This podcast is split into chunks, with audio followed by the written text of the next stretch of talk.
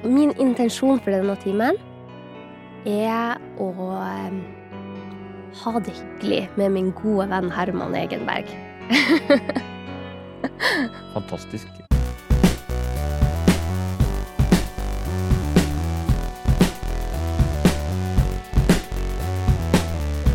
Ikke noe mer trengs, fordi nå skal jeg presentere deg. Du heter da Anette Drageland. Du er eh, lege, utdanna i Krakow. Jeg spiste middag med en som eh, kjente til deg fra Krakow. Nei, hvem da? Julie Edland. Julie, ja. Ja, Ja. ja, ja. Jeg var sammen med søstera hennes i helga. Var det det? Å, det er så bra folk. Ja. Så dere er Dere som er utdanna i Krakow, får en sånn der tett eh, tilknytning til hverandre, gjør dere det? Ja, Det blir som en liten sånn eh, kollektiv der nede. Ja, det er som å være på folkehøyskole i seks år. Ja. Det er litt intenst. Men um, du har i tillegg til å være lege, uh, så har- startet du på spesialisering i hudlege, men så fikk du altså en så sterk uh, drivkraft etter å drive med uh, formidling av helsekunnskap at du starter en podkast. Og den podkasten har blitt så hårreisende vellykket at den har tatt over hele livet ditt og gjort at du nå gjør det på fulltid. Ja, tenk det, herre min hatt. Det Og- er Ja, det er helt vilt å tenke på.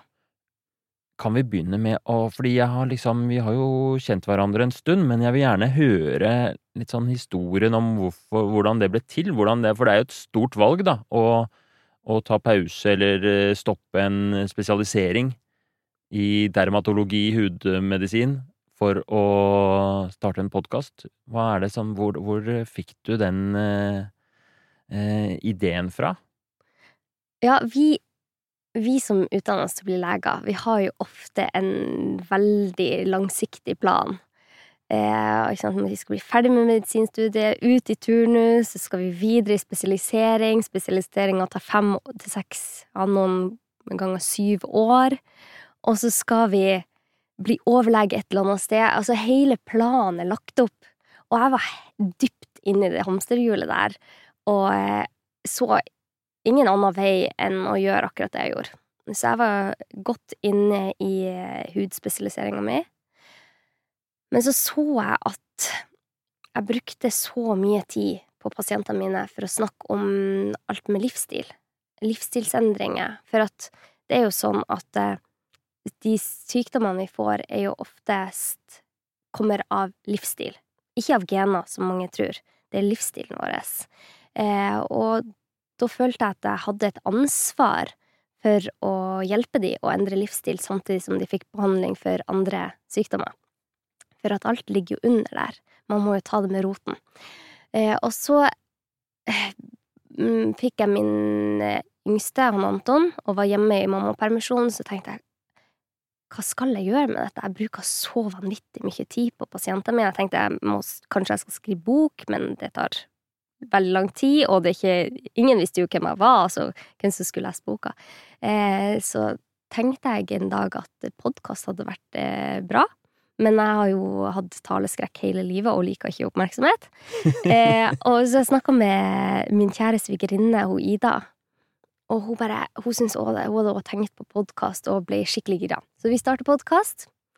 Jeg takka nei til stilling på Rikshospitalet. Det var en eh, Altså, den opplevelsen der med å velge bort den planen du har hatt hele livet, er nesten litt sånn surrealistisk. Fordi at eh, jeg satt der og i intervjuet på Rikshospitalet og så kjente jeg inni meg at jeg var nødt til å drive med podkasten. Men hele, alle tankene mine sa du er nødt til å, Ja. å, å takke ja til stilling på Rikshospitalet hvis du får det. Det er liksom Når man, bare for de som ikke vet det, da, når man er som lege så, og er ferdig med turnus, så er det jo en veldig sånn usikkerhet knytta til her får jeg Altså, jeg vil gjerne bli hudlege, for eksempel, Mm. men får jeg den spesialiseringa? Det er litt sånn, ofte er det en trangt nåløye Mm. for å få de jobbene som skal til for å få den eh, spesialiseringa man ønsker seg. Særlig Mm. hvis man gjerne vil bo i Oslo, eller eh, Så for eksempel hudlege, der er det ganske få steder hvor ja, jeg tror det er bare sånn 30, 30 eh, spesialiseringsplasser. mm. eh, 30 personer som kan spesialisere seg innenfor hud til samtidig. Det er kjempe, kjempefå plasser Mm. for å bli hudlege. Det, det, det er dritvanskelig, og jeg hadde endelig oppnådd det jeg ville. ikke sant? Bli hudlege, og få, også få stilling på Rikshospitalet er enda eh, mindre nåløye, for der er det bare noen få plasser der er de aller dyktigste overlegene. Der lærer du vanvittig mye. Eh, men det var noe inni meg som sa at jeg var nødt til å starte podkasten. Og det, det er litt sånn med Jeg er blitt bedre på å følge magefølelsen min. For tankene mine sier jo igjen og igjen det som er rasjonelt. Mm. Men hvis man begynner å følge magefølelsen sin, så tror jeg at den veileder deg dit der du skal. Og tankene mine sa du må selvfølgelig takke ja til stilling på Rikshospitalet. Det er helt tullete å ikke gjøre det. Du har, får ikke lønn hvis du begynner med podkast, du starter fra scratch, hvem som skal høre på den podkasten. Alle disse tankene surra i meg. Men det var en sånn enorm sterk magefølelse som sa jeg er nødt til å starte podkast. Så da valgte jeg å følge den. Så jeg kom hjem til samboeren min, han Henrik, og så, sa jeg at jeg fått stilling på Rikshospitalet. Og jeg kommer til å takke nei. Og han bare what?! Hva i all verden, hva skal du gjøre da? Nei, jeg skal starte podkast. Og så skal jeg gjøre masse annet eh, samtidig. Eh, så her sitter vi. I går så hadde jeg toårsjubileum på podkasten, og det har jo gått bra. Men det har jo vært masse grå dager og vanskelige dager der jeg har tenkt sånn ah, Hvorfor gjør jeg dette? Hvorfor går jeg ikke bare tilbake til hudstillinga mi? Der får jeg god lønn, trygg hverdag, kan ta fri en dag i uka når jeg blir ferdig spesialist. Eh, men så er det bare noe i meg som sier at dette må, jeg må fortsette med dette, for det gir meg så mye. Eh, og så føler jeg også veldig på et ansvar. Det har jeg egentlig følt på helt siden jeg selv fikk Jeg fikk jo eh, en ganske stor smell femte år på medisinstudiet, der jeg ikke hadde det bra. Og siden da så har jeg lest alt jeg kan om helse, livsstil, stressmestring, psykologi. Jeg har lest virkelig alt jeg kunne for å selv bli frisk. Og når jeg opparbeidet meg den kunnskapen, så følte jeg på et enormt ansvar for også å dele den til andre som sleit.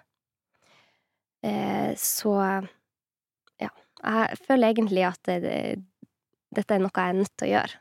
Å dele denne kunnskapen. Det er en veldig sterk drivkraft. Du bruker ord sånn som 'jeg er nødt til å gjøre det', og føler et ansvar, og 'dette er noe jeg må'. Mm. Er, eh, hvordan føles det å ha en sånn Du sier at det er mange grå dager, da. At det er jo veldig vanskelig å drive med en podkast. Mye usikkerhet. Mye sånn som du egentlig ikke rår over selv. Du kan bare fokusere på det du eh, legger ut, men man kan jo ikke styre om man får mange lyttere. Man kan ikke Hva er det mm, Nei. Hvordan Hvordan ehm,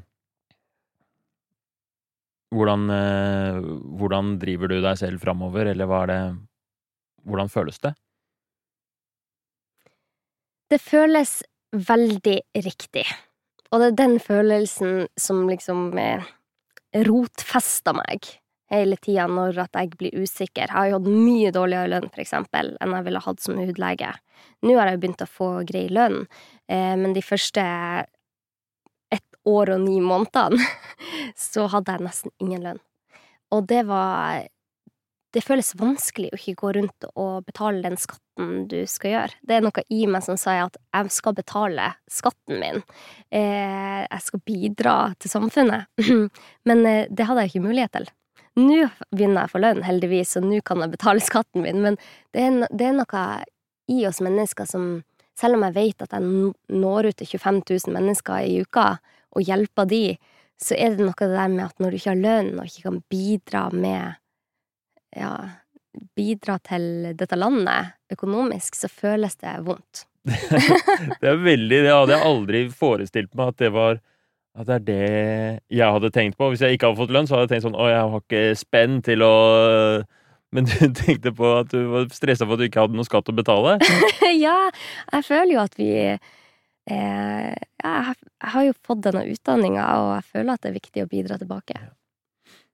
Altså, vi kan jo gå flere veier i denne samtalen, da, og, og det er jo masse jeg er nysgjerrig på, men jeg lurer litt på hva du tenker eh, du har lyst til å få ut av den. Altså, i motiverende intervju så, Jeg har jo hatt mange samtaler som er mer sånn ekspertintervjuer, hvor vi snakker om et eller annet tema, og så har jeg noen samtaler som er mer sånn hvor bare utforsker spennende mennesker.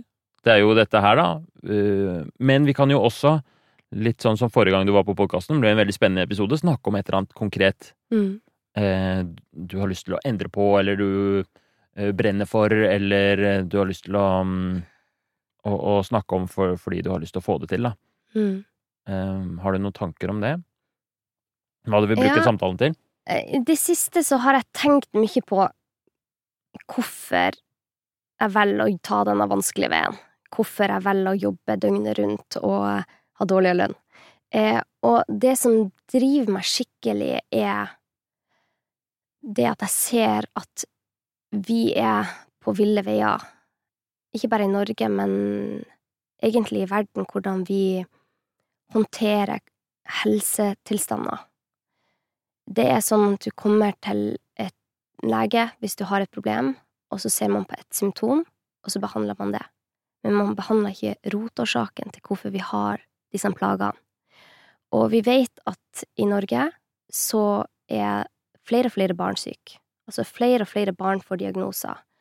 Jeg tror tilfeller av astma har økt hos barn med 400% på 40 år. Flere og flere barn får mage-tarm-lidelser, eksema, allergier. Og dette er alvorlig, for at hvis barna våre er sykere enn vi var når vi var på deres alder, hvor er vi på vei henne da? Det, det er ganske urovekkende. Og vi vet jo òg at hos oss voksne krefttilstander øker i yngre aldre, autoimmune sykdommer øker, sykdommer som egentlig var veldig sjelden før i tida, er nå blitt helt mainstream, det, det er veldig vanlig. Og det er ikke sånn at vi er født til å få sykdommer. Vi er jo født til å leve friske, gode liv. Eh, og så er det mange som sier ja, men vi lever jo lenger enn vi gjorde før i tida. Og i USA så begynner de nå å se på tall, og sannsynligvis så går levealderen ned. Det samme har ikke vi sett i Norge ennå, jeg er veldig spent på de tallene, men det vi ser er at vi blir sykere tidligere, så vi lever de siste årene, kanskje de siste 20-30 årene av våre liv, med sykdommer som vi kunne ha unngått hvis vi hadde levd eh, sånn som eh, hadde vært bra for oss, og hvis vi hadde fått råd som hadde vært riktig for oss.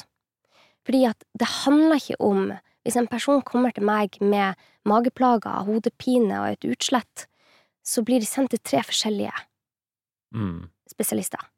En gastrolog, en nevrolog og en hudlege. Men hva hvis alle disse symptomene stammer fra samme årsak? Og da er det livsstil, da, som er eh, Ja, livsstil er jo viktig. Eh, det, det, altså det er jo det aller viktigste vi gjør. Søvna vi har fått, vi skal få, maten vi spiser, eh, bevegelse. Det handler ikke om trening. Vi er ikke laget, for Altså, hvis man ser på jegersjankere, så det er det ikke sånn at de løper maraton hver dag. Vi er ikke laga for å trene intensivt én time hver dag, sånn som vi driver nå. Mm. Vi er laga for bare å være i bevegelse. Løfte, bringe, hente. Bare gå er vi laga for. Eh, og så er det jo dette med stressmestring. Det er jo noen eksperter som sier at 90% av alle sykdommer kommer av stress. Det kan jeg ikke si sikkert at det gjør, men det er i hvert fall veldig, veldig mye sykdom som er bunna i at vi går med for høyt kortisol og adrenalin gjennom en dag. Ikke bare én dag, men år. Mm. Eh, og før i tida så gikk vi ikke rundt med høy beredskapstropp inni oss hver dag. Vi gjorde det hvis vi møtte på en tiger, eller hvis vi kanskje krangla med hulemannen vår. Men det var korte perioder, og man fikk ned stresshormonene fort igjen. Mens nå går vi rundt med ganske høyt stressnivå hele dagen. Mm. Og det viser at det bidrar til Hvis du går rundt med kortisol og adrenalin overfor lenge, så bidrar det til inflammasjon, betennelse i kroppen. En veldig stor bidragsyter til sykdom. Det bidrar til at du ikke tar de gode valgene. Du går rundt og stresser, er inni i ditt eget hode. Du tar ikke gode livsstilsvalg. Ja, det kan jeg kjenne meg veldig igjen i. Sånn hvis jeg har eksamens Når jeg hadde eksamensperioder og Ja. var stressa, Mm. så gikk det jo veldig dårlig med alt av sånn trening og kosthold og Ja, du klarer ikke å, å leve opp til de forventningene du har til deg selv. mm. Og med det kommer mye skuffelse, og du føler deg dårlig, og så tar du enda dårligere valg. Det blir en sånn veldig vond syklus. Og så er jo det aller viktigste, som viser kanskje det viktigste eh, faktoren for å leve gode, friske liv, er jo relasjonene våre. Fordi det viser at hvis du har gode relasjoner, så du, får du senka stressnivået. Du har lettere for å ta gode matvalg. Du sitter rundt et bord, og du spiser, og du er til stede. Eh, du eh, Du får mer bevegelse. Ofte de som har gode relasjoner, er mer i bevegelse. Og eh, du sover bedre. Det, en studie som jeg syntes var skikkelig morsom, var de tok i, USA, og så så de på masse mm, par. Og så så de på eh, de parene som hadde det bra der de følte seg nær hverandre. De hadde mer dyp søvn enn de som ikke hadde gode relasjoner. Mm. Så, så relasjonene våre påvirker oss i så vanvittig stor grad, men alle disse faktorene påvirker hverandre. Ja. Eh, så det er, det er egentlig ganske lite man trenger å endre for å få det mye bedre, det så jeg jo hos meg selv, når jeg selv hadde ja, jeg, hadde, jeg var så langt nede som man kunne være, og jeg hadde leddsmerter, jeg hadde magsmerter, jeg var kvalm, jeg hadde mareritt hver natt, ikke sant, jeg gikk med det her i flere år. Det skulle ikke så mye til for å endre det, men i starten så trodde jeg jeg måtte bare finne en supermat, liksom. Pasjonsfrukt, spis masse av det, så ordner alt seg. Men det er jo helheten. Det er helheten vi må ha fokus på. Så for å um, oppsummere litt, da. Du har en slags eh, Mye som stammer fra den derre opplevelsen du hadde på medisinstudiet. Så jeg tenkte Mm. vi kunne gå litt eh, dypere i den, da. Men derfra så har du en, en veldig sterk eh, drive, veldig sånn derre et, eh, et skikkelig sånn mål i livet om at du vil eh, gjøre noe godt for verden, og det du ser veldig klart og tydelig, er at det er noe uhensiktsmessig med, med måten vi håndterer stress og, og livsstil, og egentlig hvordan helsevesenet kanskje er litt bygd opp, da, Mm. med at em, den økende forekomsten av sykdommer blir behandlet litt, litt sånn eh, hver for seg av hver sin spesialist, som eh, når du får en eksem, så, behandler- så smører man en krem på den som kan liksom slå den litt ned, Mm. men man behandler ikke den underliggende årsaken, Mm. som er noe med livsførselen vår. Og det er du eh, Det har du satt deg som mål å fikse. Når jeg startet podkasten, så var jo mitt hovedmål at jeg skulle endre helsevesenet. Og jeg skjønner jo at ikke jeg klarer det alene. Men jeg tror at når mange nok uh, hever stemmen sin, uh, så kan vi få til å, mye. Da kan vi få til å forandre ganske mye. Men jeg har gått litt bort ifra det. Jeg ser at helsevesenet gradvis må endre seg naturlig, så jeg tror ikke jeg trenger å stå i bresjen. Og, og jeg, er ikke, jeg er ikke en person som egentlig liker å heve stemmen eller gå imot folk. Jeg vil egentlig få folk med meg. Det er Mm. min måte. Mm. Eh, så eh, Og så må jeg bare si at spesialister er jo fantastisk. Altså, har jeg et, et stort eh, problem med huden min, så vil jeg jo gå til en hudlege. Men det handler bare om at vi må også ha spesialister som ser helheten. Mm. Som kan prøve å finne rotårsaken mens man får behandling for et eller annet med øyet hos en øyelege, eller ja, du skjønner. Hva er det mm, Hvis vi går tilbake til den, vil du si litt mer om den eh, knekken du fikk på medisinstudiet? Ja, det, det har jeg aldri gått eh, helt inn på. Um, jeg, jeg tror at knekken på femte året på medisinstudiet kom hadde bygd seg opp over kjempe, kjempemange år. Jeg hadde jeg vokste opp i et eh, hjem med veldig mye kjærlighet. Eh, min mamma og pappa har alltid stilt opp for meg og mine tre brødre. Eh, men i, den, i familien min så fikk jeg rollen som den som alltid hjalp alltid var den som, hvis noen av brødrene mine krangla, så skulle jeg hjelpe til, roe ned, alle skulle ha det bra rundt meg. Jeg tok på meg den rollen fra jeg var liten, og jeg vet ikke hvorfor det ble sånn, men sånn har det vært for meg. Eh, så har jeg alltid følt et voldsomt ansvar for at alle rundt meg skal ha det bra. Og det blir man ganske sliten av.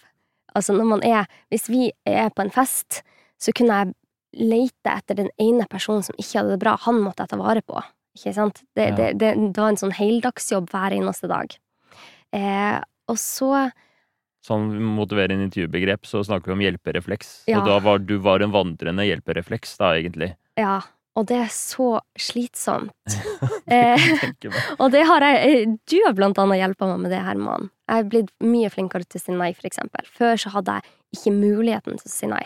Hvis jeg sa nei, så gikk jeg rundt og hadde så stor klump i magen at jeg trodde det var noe galt med meg. Nå har jeg jo skjønt at det er bare Jeg, jeg får den klumpen i magen fordi at jeg går imot mønsteret mitt. Eh, og så vil jeg jo bli lege fra jeg var tidlig seks-syv år. Mm. Eh, Ganske naturlig valg når du er Når jobben din er å Eller hele identiteten din har liksom dreier seg om å hjelpe andre, da. Mm.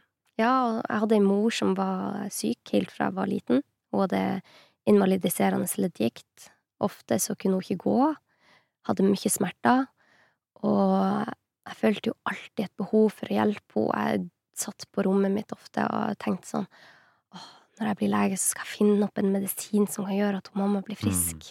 Ikke sant? Det mm. eh, Så det var veldig sterkt i meg. At jeg skulle hjelpe de som hadde vondt. Eh, så når jeg begynte på studiet, så ble jeg jo helt oppslukt i å finne, liksom lære alt jeg kunne eh, om hvordan vi skulle helbrede sykdom.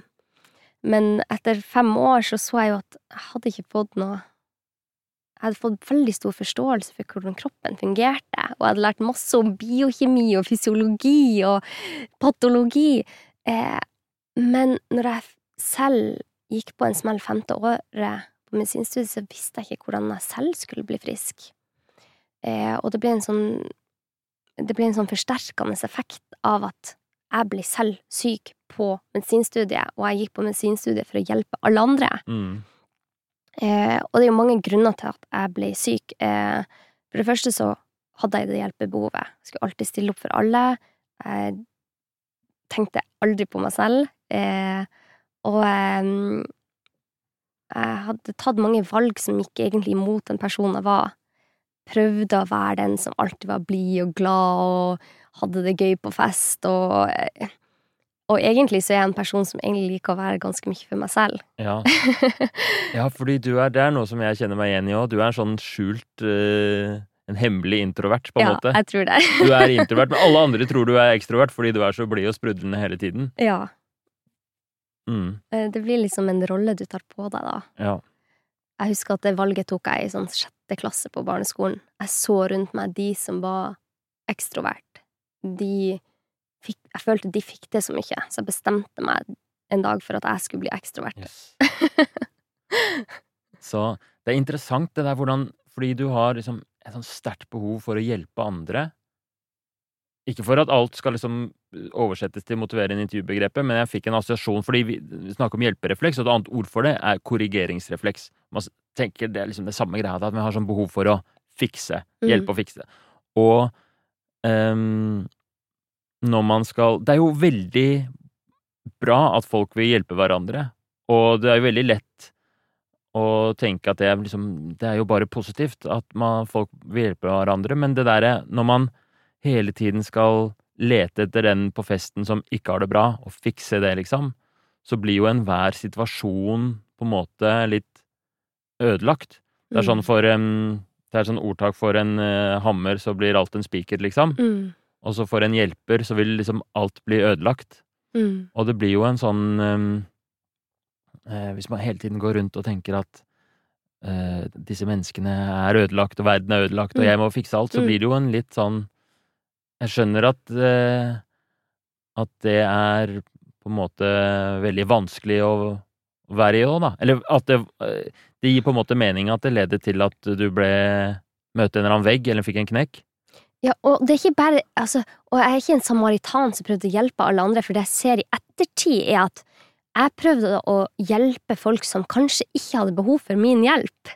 Eh, Jeg hadde nære rundt meg. Hver gang vi møttes, så prøvde jeg å prakke på dem eh, alt jeg hadde lært. Sånn 'Å, det, sånn må du gjøre, og sånn må du gjøre', og 'Å, kan ikke, kan ikke du bare gjøre det, så blir alt å ordne seg'? Men vi har Jeg vet jo ikke hva som er best for deg, Herman.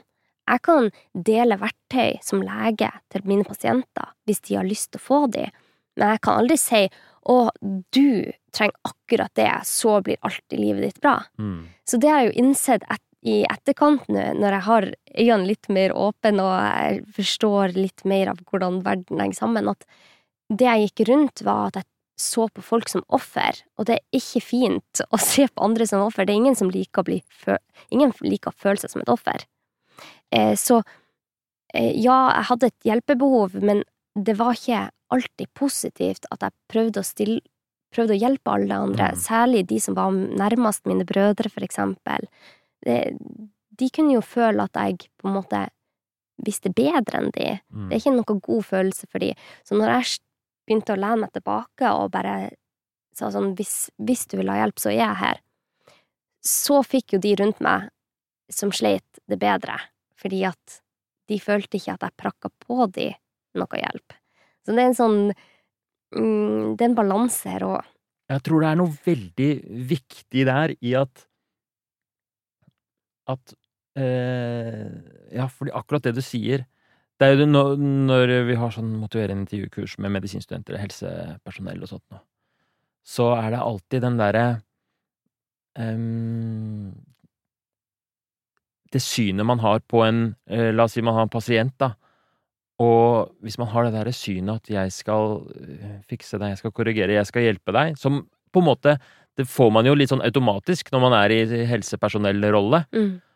Og den er et eller annet sånn destruktivt med det, da. Fordi med en gang man, man tar på seg den Akkurat som du sier, man ser på den andre som et offer, så vil jo den på en måte kanskje adoptere det synet litt selv også. Og så skaper vi den dynamikken hvor det er en som har en offerrolle, og en som har en hjelperrolle. Og så flyttes ansvaret fra den ene personen til den andre, Mm. og, og, og, og sånn kan det jo ikke være. Da, Mm. da vil det jo ikke skape endring.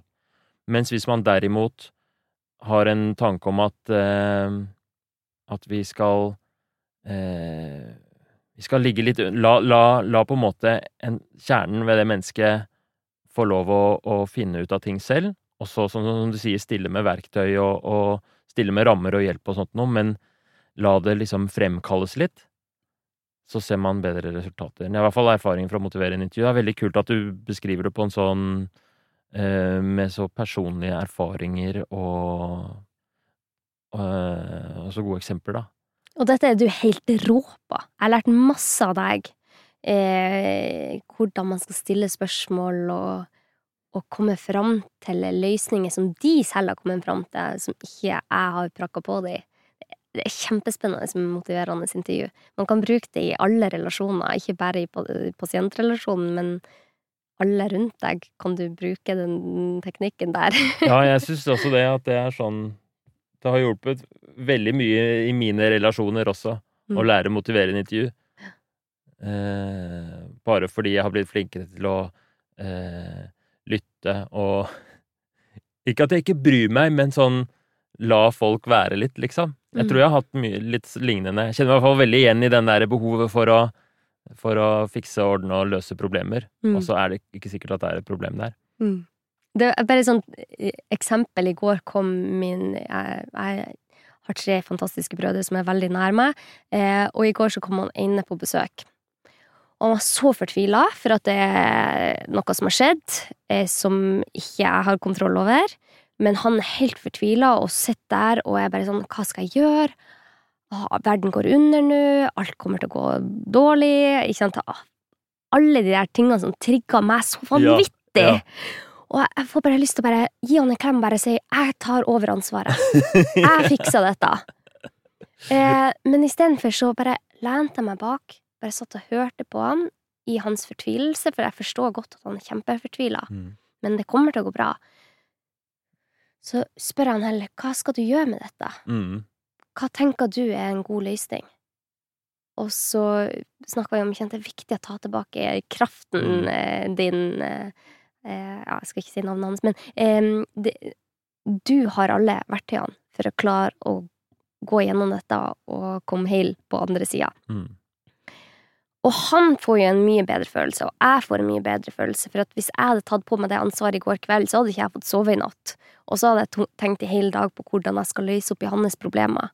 Mm. Og det, den der eh, stien der har jeg gått så mange ganger med de som jeg har nær, der jeg tar over ansvaret. Mm. Og da blir det ikke de beste resultatene heller. For at han trenger å vite hva han skal gjøre. Han kan godt snakke med meg om det, men det er han som vet svaret. Ja, fordi altså, hvis det hadde vært mye bedre for pasientene at vi drev og hadde masse hjelperefleks og, og En ting er jo Vi har snakket litt om at jeg, jeg, jeg tror det er veldig tungt for oss å bære på alt ansvaret for pasientene. Men hvis det hadde vært bedre for de å gjøre det sånn, kanskje det hadde vært allikevel best å gjøre det sånn. Men det Mm. blir så mye bedre resultater Ja. for pasientene. Ja. Så det er mye bedre eh, altså Det er jo det som er hovedpoenget her. At hvis man skal hjelpe folk med endring Motiverende intervju kommer jo mest fra sånn eh, rusbehandling og sånt, noe avhengighet. Mm. Men det er jo anvendbart i alle de Altså alle de eksemplene som du nevnte i stad, sånn at de viktigste faktorene for helsa vår, så er jo den tankegangen aktuell. Og poenget er at eh, hvis, som du sa, at 90% av all sykdom kommer fra stress, så tror jeg motiverende intervju også er en veldig godt egnet metode for å jobbe med stress. Fordi jeg tror at stress kommer av når man har krav og forventninger til ting, men man har ikke motivasjon. Mm. Så hvis eh, jeg ser rundt meg, og det er masse ting jeg føler jeg må og jeg burde, og så er det veldig lite av det jeg føler at jeg vil, så kommer jeg til å kjenne på det stresset. Men hvis jeg hadde hatt motivasjon til å gjøre det, så kunne jeg gjort akkurat de samme tingene, levd i akkurat det samme livssituasjonen, men eh, Og det vet man jo, at stresset påvirker deg veldig forskjellig, avhengig av hvordan du forholder deg til det. Hvis du tenker at dette er ting jeg mestrer, så er ikke stresset skadelig på samme måte. Mm. Ja, det er helt sant. Men fortell, ok, nå havnet vi inn på en sånn eh, Dette ble jo en slags eh, En slags uh, hyllest til motiverende intervju, det var veldig Ja, men hyggelig. det trenger, det, Ja. Du trenger å få litt hyllest. Du er jo en av de fremste i Norge på dette, Herman. Det er helt rått, det du har fått til. Og det at du får motiverende intervju ut til folket, ikke bare til medisinstudenter, er jo helt fantastisk. For jeg tror at med det verktøyet så kan vi komme så mye lengre i denne diskusjonen om helse og hva vi skal gjøre for å få til endringer her i landet. Ja, det er en veldig kul metode. Jeg ser fortsatt på meg selv som nybegynner. Da. Det er jo forholdsvis eh, kort tid siden jeg begynte å lære meg motiverende intervju. Brukte denne podkasten for å utforske det og jobba med ehm, og, og jobbe med medisinstudenter og sånt noe, men det er mye. Altså eh, Jeg føler ikke jeg er på Magnus Carlsen-nivå langt derifra ennå, altså på motiverende intervju, men dit skal vi. Er ikke det gøy å utvikle seg, da? Jo, jo, veldig. Jeg tror jo at det å utvikle seg i et område er en av meningene med livet. Det er det som gir oss glede. Så Ja, enig. Og liksom å føle at man blir bedre og bedre og mestrer noe etter hvert, det er veldig deilig. mm. Men vi var eh, La oss gå tilbake til eh, Jeg er veldig spent på hva liksom den historien rundt den derre Hvis du har lyst til å snakke om det, da. Vi kan Ja, ja, ja. Vi kan ta noe annet også, men den derre knekken din, hva var det som Hvordan var det der og da? På det verste, liksom? Og hva gjorde du for å komme deg ut av det? Mm, Det var jo sammensatt. Jeg hadde Det er ikke bare Det er jo sånn at de fleste lidelser og utfordringer er multifaktorielle, at det er mange faktorer som fører deg dit. og jeg hadde for det første prøvd å leve perfekt hele mitt liv. Det er utmattende, og man blir utslitt. Eh, men jeg hadde også begynt å få Jeg hadde vært i USA, bodd i USA et år.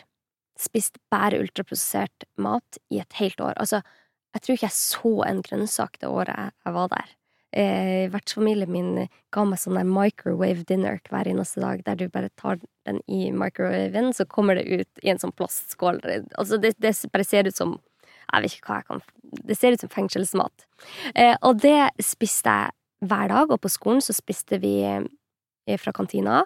Og da hadde de sånn cheese sticks. Det er noe av det beste i verden. Det, det er sånne ostesticks som er fritert. Fritert ost. Å, deilig. Og jeg bare elsker det. Altså, eh, så hele I ett år så spiste jeg altså så dårlig mat. Så når jeg kom hjem til Norge Jeg hadde ikke mageproblemer i USA. Det tar jo litt tid å endre tarmfloraen og alt det her, men når jeg kom hjem til Norge, så fikk jeg så vanvittig mye mageplager. Og jeg bare raste ned i vekt. Veide 45 kilo på et, om, et tidspunkt, og det eneste jeg klarte å få i meg, var appelsinjuice. Eh, og så viste det seg det at jeg hadde H. pylori, en sånn bakterie som ikke var så bra for meg. Eh, og så fikk jeg en vanvittig kraftig antibiotikakur. To antibiotikakurer og eh, noen andre medisiner. Og jeg hadde aldri stått på antibiotika eller noe medisiner hele mitt liv. Alltid vært frisk. Eh, og etter det så begynte jeg å slite skikkelig med magen.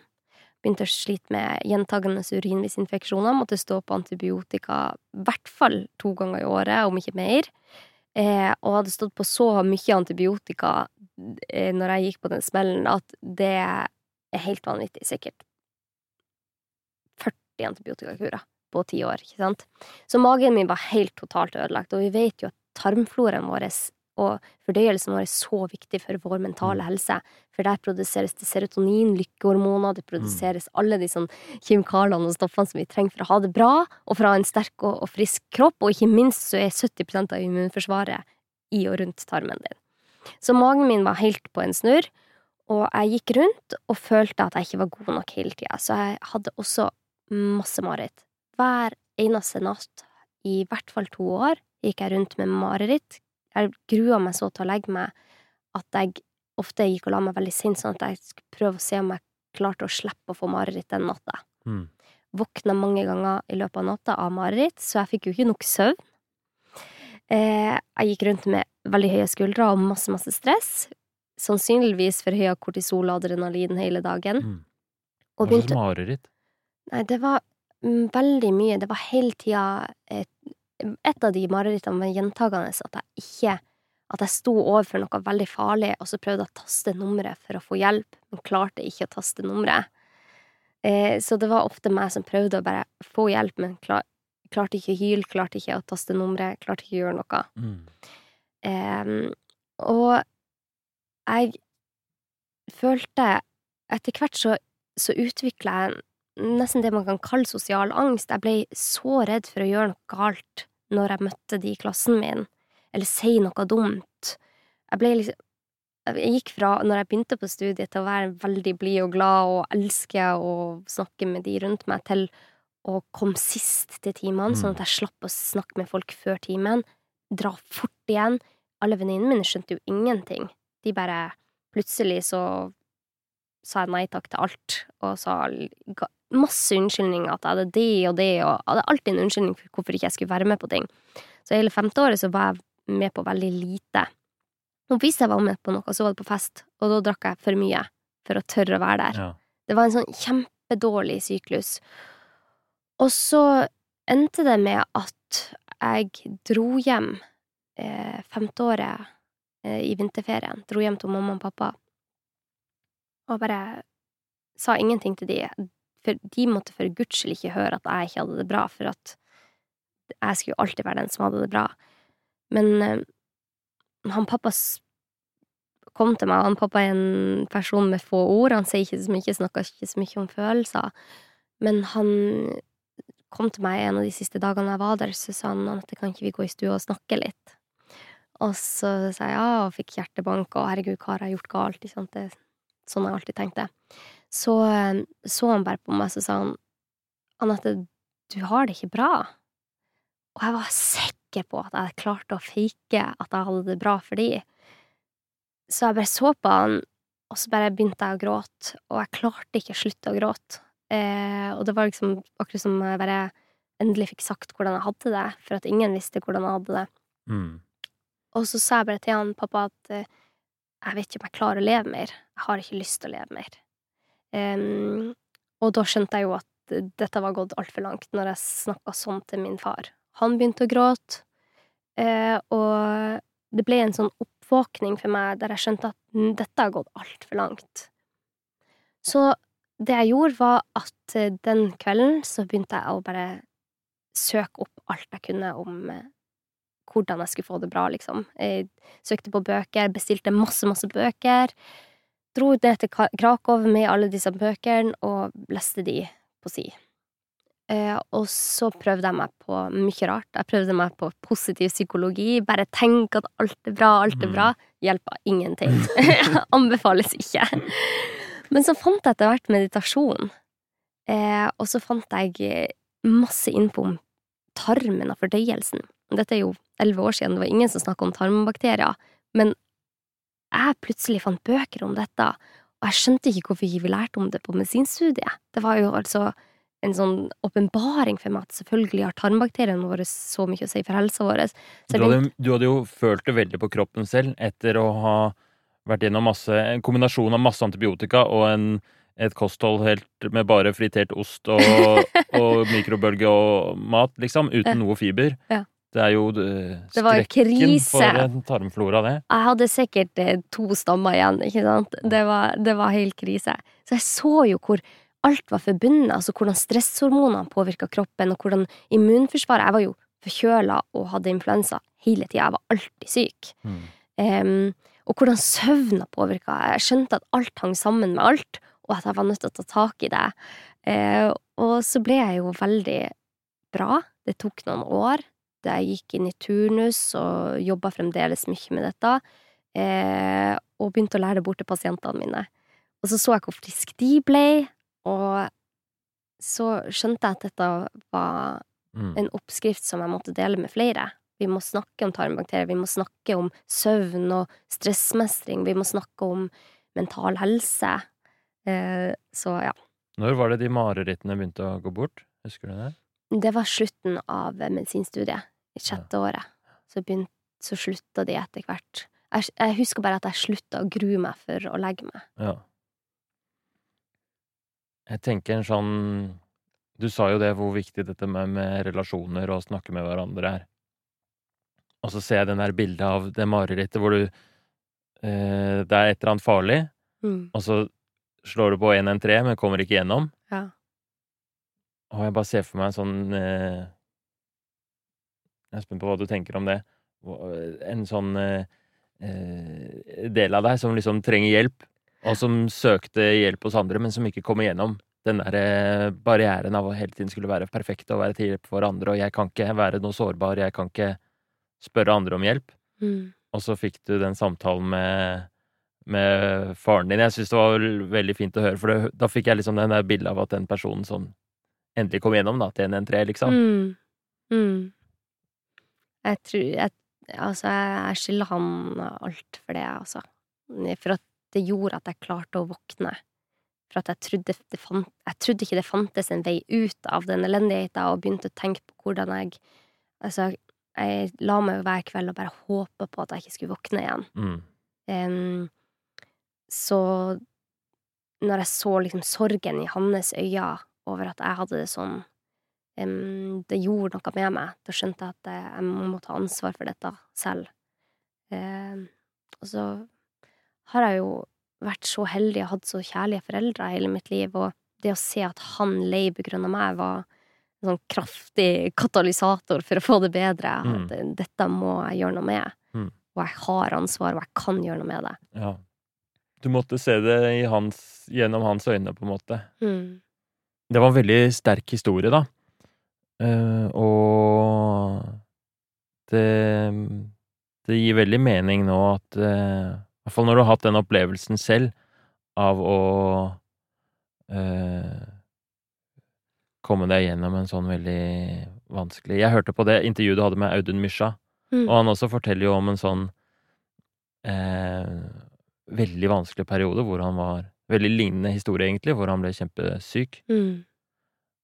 Og så etter det så har han en sånn ustoppelig drivkraft til å formidle, skrive bøker, hjelpe andre. Mm. Han virker jo som Altså, jeg syns det var Det må alle høre på det intervjuet med Det var helt fantastisk. Men i hvert fall um, Hva er det um, Hva um, Hva er det tenker Hvis du får alt som du vil nå framover, da, hva er det du ser for deg Hvis vi skal se framover, hva, hva, er uh, Hva er det du drømmer om nå? Det jeg drømmer om nå, er at eh, vi som land skal gå sammen og se at det vi gjør nå, særlig mot våre barn, det de her tenker mest på, er ikke bra. Vi må hjelpe barna våre til å bli friske igjen, for det er så vanvittig mange barn nå som er syke. Eh, og hvis jeg kunne liksom bare endra på noe nå, så hadde det vært at vi fikk en spesialisering til innenfor medisin der de var spesialister på å se helheten. Mm. Kunne prøve å finne rotårsaken til hvorfor vi hadde det sånn, og at vi fikk ut kunnskapen, at myndighetene Altså, den podkasten jeg har, den gir jo kunnskap om hvordan vi kan få det bedre. Men det er jo egentlig myndighetene sitt ansvar å komme ut med den kunnskapen. Men jeg føler den ikke formidles Mm. godt nok. Jeg føler at det, vi må snakke høyere om dette, at det med at barna våre sliter så mye, er det, det er så mange barn som har mage-tarm-lidelser nå, og hva kommer det av? Det kommer jo av maten de spiser, det kommer av at eh, mange barn ikke får den næringa de trenger, fiber, de er mindre i bevegelse, det er mer stress, det er masse forventninger på en skolehverdag, det, det, det er sammensatt, men det er så lite som skal til for at de skal få det bedre, og det har jeg sett hos mine pasienter igjen og igjen. Jeg har disse pasientene, jeg jobber jo som fastlege før, og jeg har sett hvor utrolig stor forskjell det kan være å se helhetlig, eh, ha en helhetlig tilnærming til mine pasienter, og også barn, som kan gå fra å ha vært forstoppa hele livet til å plutselig få normal fordøyelse og kan leve et godt liv. For at det er, det er ganske Hvis man ser på medikamenter som blir forskrevet mot for eksempel forstoppelse hos barn, så ser man at kurven er bare helt sånn Det skyrocket de siste ti årene. Mm. Og alle som har vært forstoppa, vet hvor ubehagelig det er. Mange barn i Norge går, får ikke gått på do mer enn én dag i uka, fordi at tarmfloraen deres er så ødelagt. Mm. Og vi har et ansvar for å reparere det, for det er ikke barna sin feil. Det er vi som voksne, og det er ikke foreldrene sin feil heller, for foreldrene prøver å følge rådene, eh, men kunnskapen må ut, og da vil foreldre også gjøre endringer. Det er ikke foreldrene sin skyld at barn er syk. Hva er det som er det, liksom, de konkrete råd Bare for jeg er nysgjerrig på det akkurat nå, da. Hva er Mm. de Liksom Hvis du skulle plukket ut Du, skulle, du fikk lage en em, uh, I myndighetenes jeg, jeg vet ikke om det er kostholdsråd eller bare sånn helhetsråd. Mm. Hvis du skulle skrevet tre Tre linjer, liksom, hva syns du er det viktigste? Mm. Vet du hva jeg hadde gjort? Jeg hadde senka Altså, vi må gjøre maten som er sunn, billigere. For at Mm. alle barn i dette landet må få tilgang til den sunne, gode maten. Så alt av frukt og grønt, fjerna momsen, få ned prisene. Mm. Og så høyna prisen på ultraprosessert mat. Mm. 60% av all maten som er i norske dagligvarebutikker, er ultraprosessert. Og vi har så mye data nå, så mange studier som viser at ultraprosessert mat tuller med kroppen vår. Ja, og det er type sånn altså alt som er pulver, og alt som er eh, Alt som sånn er- ferdigretter Ja, og ja. Som innhold, hvis man ser på varedeklarasjonen, så inneholder det stoffer som du ikke har på kjøkkenet ditt. mm. Masse sånne ting som du ikke har hørt om. Da er det ultraprosessert, og da vet man at det tuller med tarmfloraen, det tuller med hele systemet ditt. Så det ville gjort det lettere for foreldre å velge sunt, og også at man fjerner alt av, på den ultraprosesserte maten. Det er ofte den maten som skriker høyest. Der står det høyt fiber, lavt salt, masse protein, står det på pakken, ikke sant? Mm. For å late som dette er sunn mat. Men det er jo bare for å skjule at dette, denne eh, maten inneholder masse stoffer som ikke er bra for tarmfloraen din, og masse sukker for å gjøre den bedre, og masse herda fett som tuller med systemet ditt. Eh, det skulle ikke vært lov Mm. Å skrive på framsida av ultraprosessert mat og antyde at det var sunt, for det er ikke sunt. Eh, og det ville gjort det så mye lettere for foreldre, for jeg skjønner fortvilelsen til foreldre, for alle foreldre vil sitt barn eh, det beste. Men jeg var jo òg kjempeforvirra for ti år siden, og jeg hadde gått fem år på medisinstudiet og visste ikke hva som er sunt, Mm. fordi det er så utrolig vanskelig nå. Mm. Og det er flere myndigheter, blant annet jeg tror det er Brasil, der de har gått hardt ut mot ultraprosessert mat nå, og det står på framsida av ultraprosessert maten. For går man bort ifra det De fleste vet ikke at polarbrød er ultraprosessert. De fleste, får, de fleste barn får eh, polarbrød til frokost. Fordi at foreldrene tenker ikke at det er noe forskjell på polarbrød og et eh, brød som inneholder fire ingredienser. Mm. Eh, men, men jeg vet det, og derfor må jeg komme ut med denne kunnskapen. Mm. Og jeg er ikke den som liker å få oppmerksomhet. Jeg liker jeg, Altså, jeg skulle ønske at noen andre kunne ta denne jobben, for jeg syns det er så ubehagelig å være den som må gå i, i bresjen og si at dette er ikke greit, men jeg føler jo et veldig ansvar for å komme ut med det. Mm. Polarbrød er ikke bra, altså. Nei, dessverre.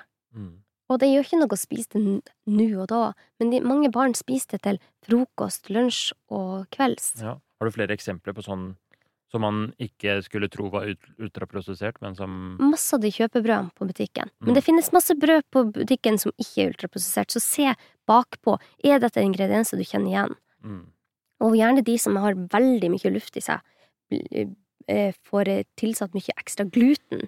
Og Mm. gluten er jo et, eh, et stoff som kan gjøre at tarmen blir litt tulla med. Så du skal ikke ha for mye gluten. Um, og så er det det, det finnes fiskekaker som er ultraprosessert, men du kan velge fiskekaken som ikke er det. Mm. Du ser bakpå, så ser du ok, jeg kjenner igjen disse ingrediensene, da er det sannsynligvis ikke ultraprosessert. Mm. Jeg, hjemme hos oss har ikke vi et perfekt kosthold, fordi at kroppen vår er robust. Vi tåler veldig mye. Men hvis man hver eneste dag blir utsatt for triggere som gjør at kroppen blir i ulage, så blir den ikke robust lenger. Men altså, mine barn spiser jo ultraprosessert av og til, og får Coco Puffs oppå havregrynen sin av og til. Men det tåler de når de Mm. i bunn og grunn får mat som de er laga for å håndtere, og som tarmbakteriene ikke minst er laga for å håndtere. All right. Så steg én eh, gjøre bilder med frukt og grønt. Steg to eh, gjøre dyrere og ulovlig for ultraprosessert mat å Reklamere det reklamere for at de er sunne. mm. Har du en eh, siste Om du får være president for en dag, liksom? ja, da vil jeg ha President. Da Vi har ikke jeg- det i Norge. Statsminister, mener jeg. Jeg ville ha gjort um, det lettere for mennesker å lære seg å håndtere stresset, for vi kan ikke gjøre noe med at vi har mye stress i hverdagen. Vi får ti ganger mer informasjon nå enn vi fikk før i tida. Eh, vi blir liksom overvelda av alt vi skal gjøre. Men vi kan gjøre noe med hvordan vi håndterer det. Og hvis vi hadde lært barna våre kraften i å puste, for eksempel, det å puste helt ned i lungene Alle merker hvis de puster noen dype drag, hvor godt det gjør for dem. Hvis vi hadde lært dem det, hvis vi kunne lært dem meditasjon Meditasjon handler ikke om å brenne røkelse og sitte i Himalaya-fjellene, det handler om bare kunne sitte i egne Alene for seg selv i egne tanker i en liten periode. Mm. Hvis vi kunne ha lært barna våre det, så hadde det vært helt fantastisk for dem, resten av deres liv. Og vi skulle gjerne ha lært alle oss voksne det òg. For det, det, det tror jeg gjør at vi hadde fått det så mye bedre. Tåle å sitte fem minutter uten å ha en feed, liksom.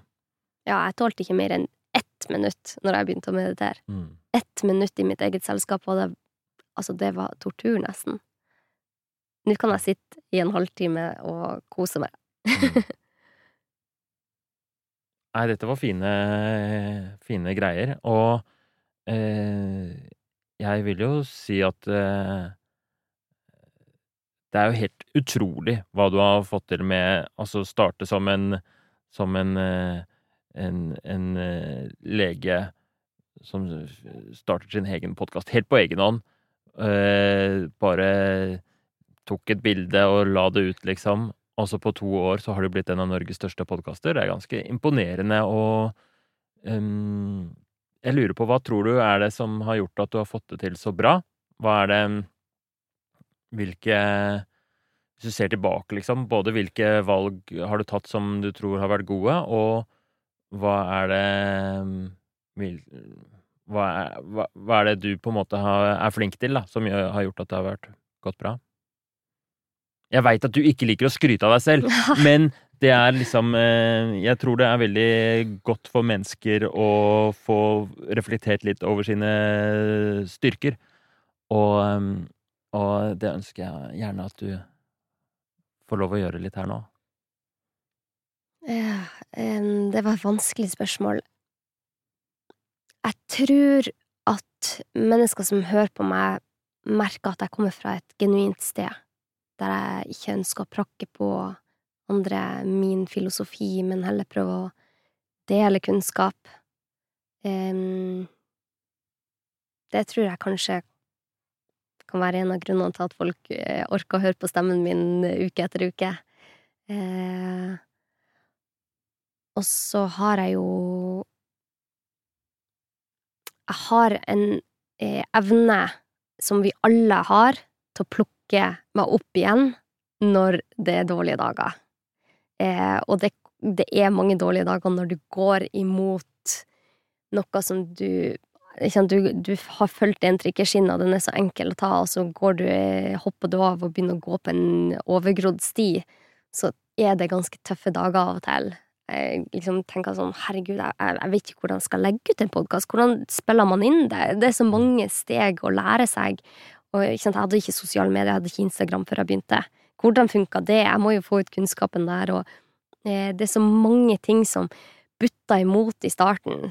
Men det å orke å stå imot den smerten og bare plukke seg opp eh, neste dag og si ok, i går hadde jeg en dårlig dag, fikk til noe, jobba åtte timer og alt var forgjeves, og så plukke seg selv opp og si ok, dette får jeg til for det. Det tror jeg er en veldig viktig egenskap, og det er en egenskap vi kan lære oss opp til, blant annet ved meditasjon. Ja, så det at fordi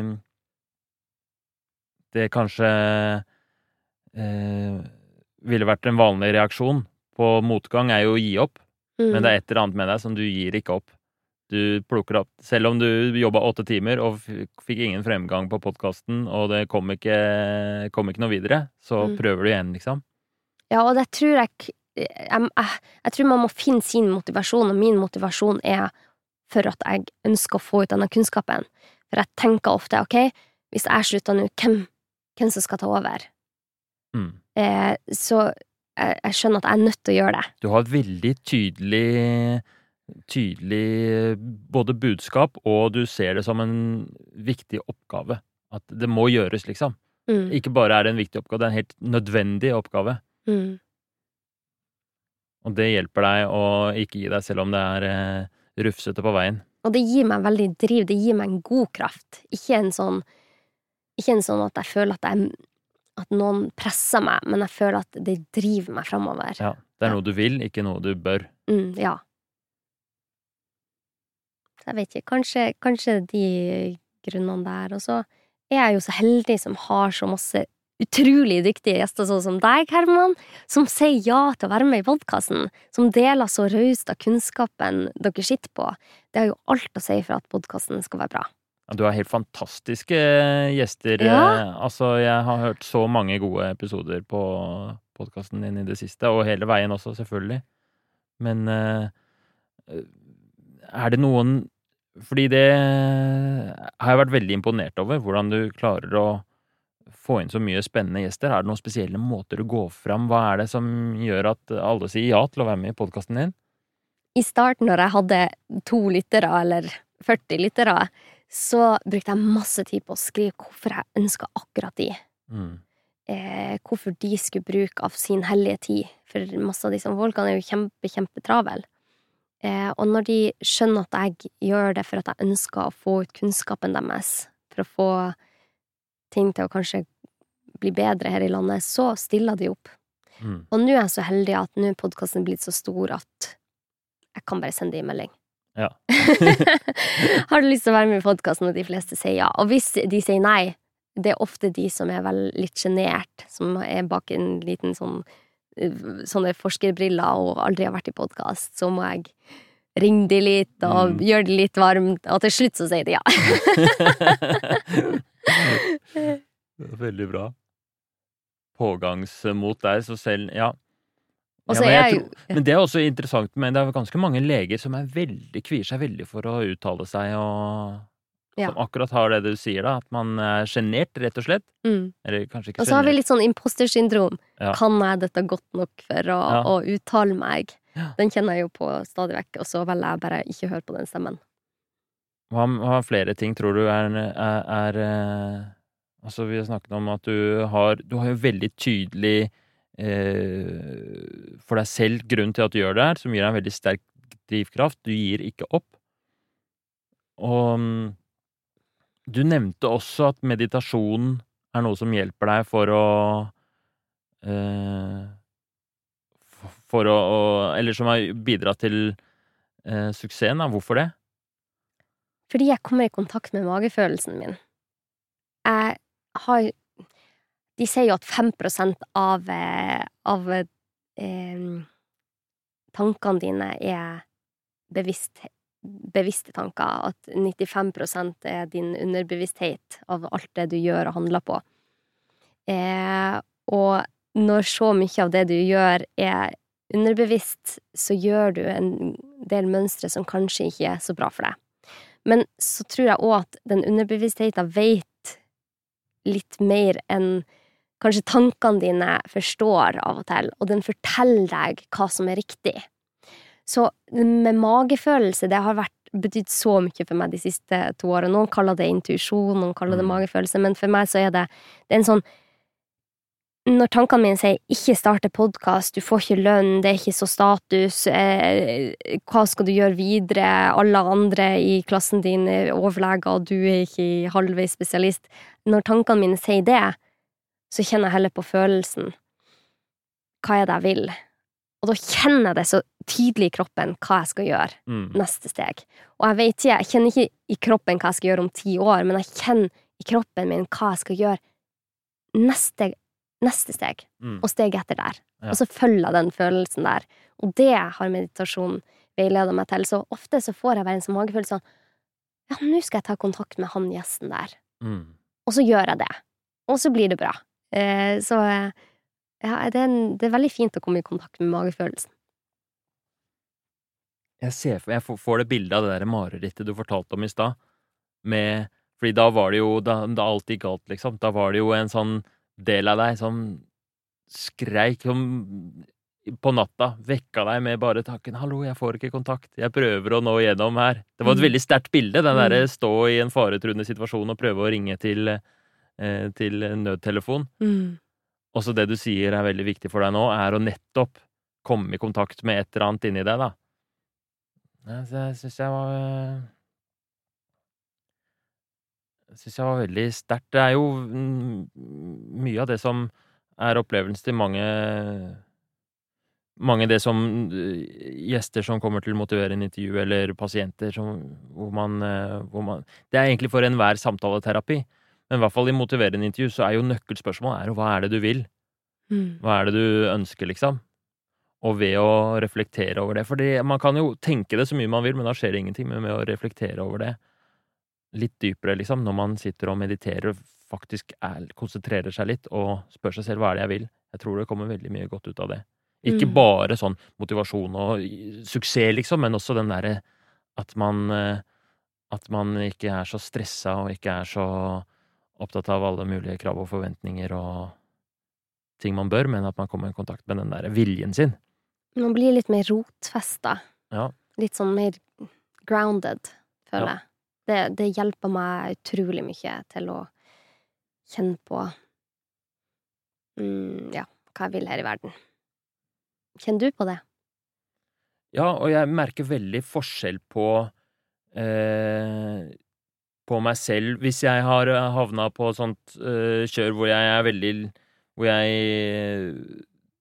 er veldig opptatt av alle mulige uh, Hvis jeg har sett masse på TV-serier eller vært på sosiale medier eller Mm. liksom uh, er veldig oppslukt i et eller annet og har fått lite tid til å reflektere eller til å til å gjøre mine rutiner med å spørre meg selv hva jeg vil, da.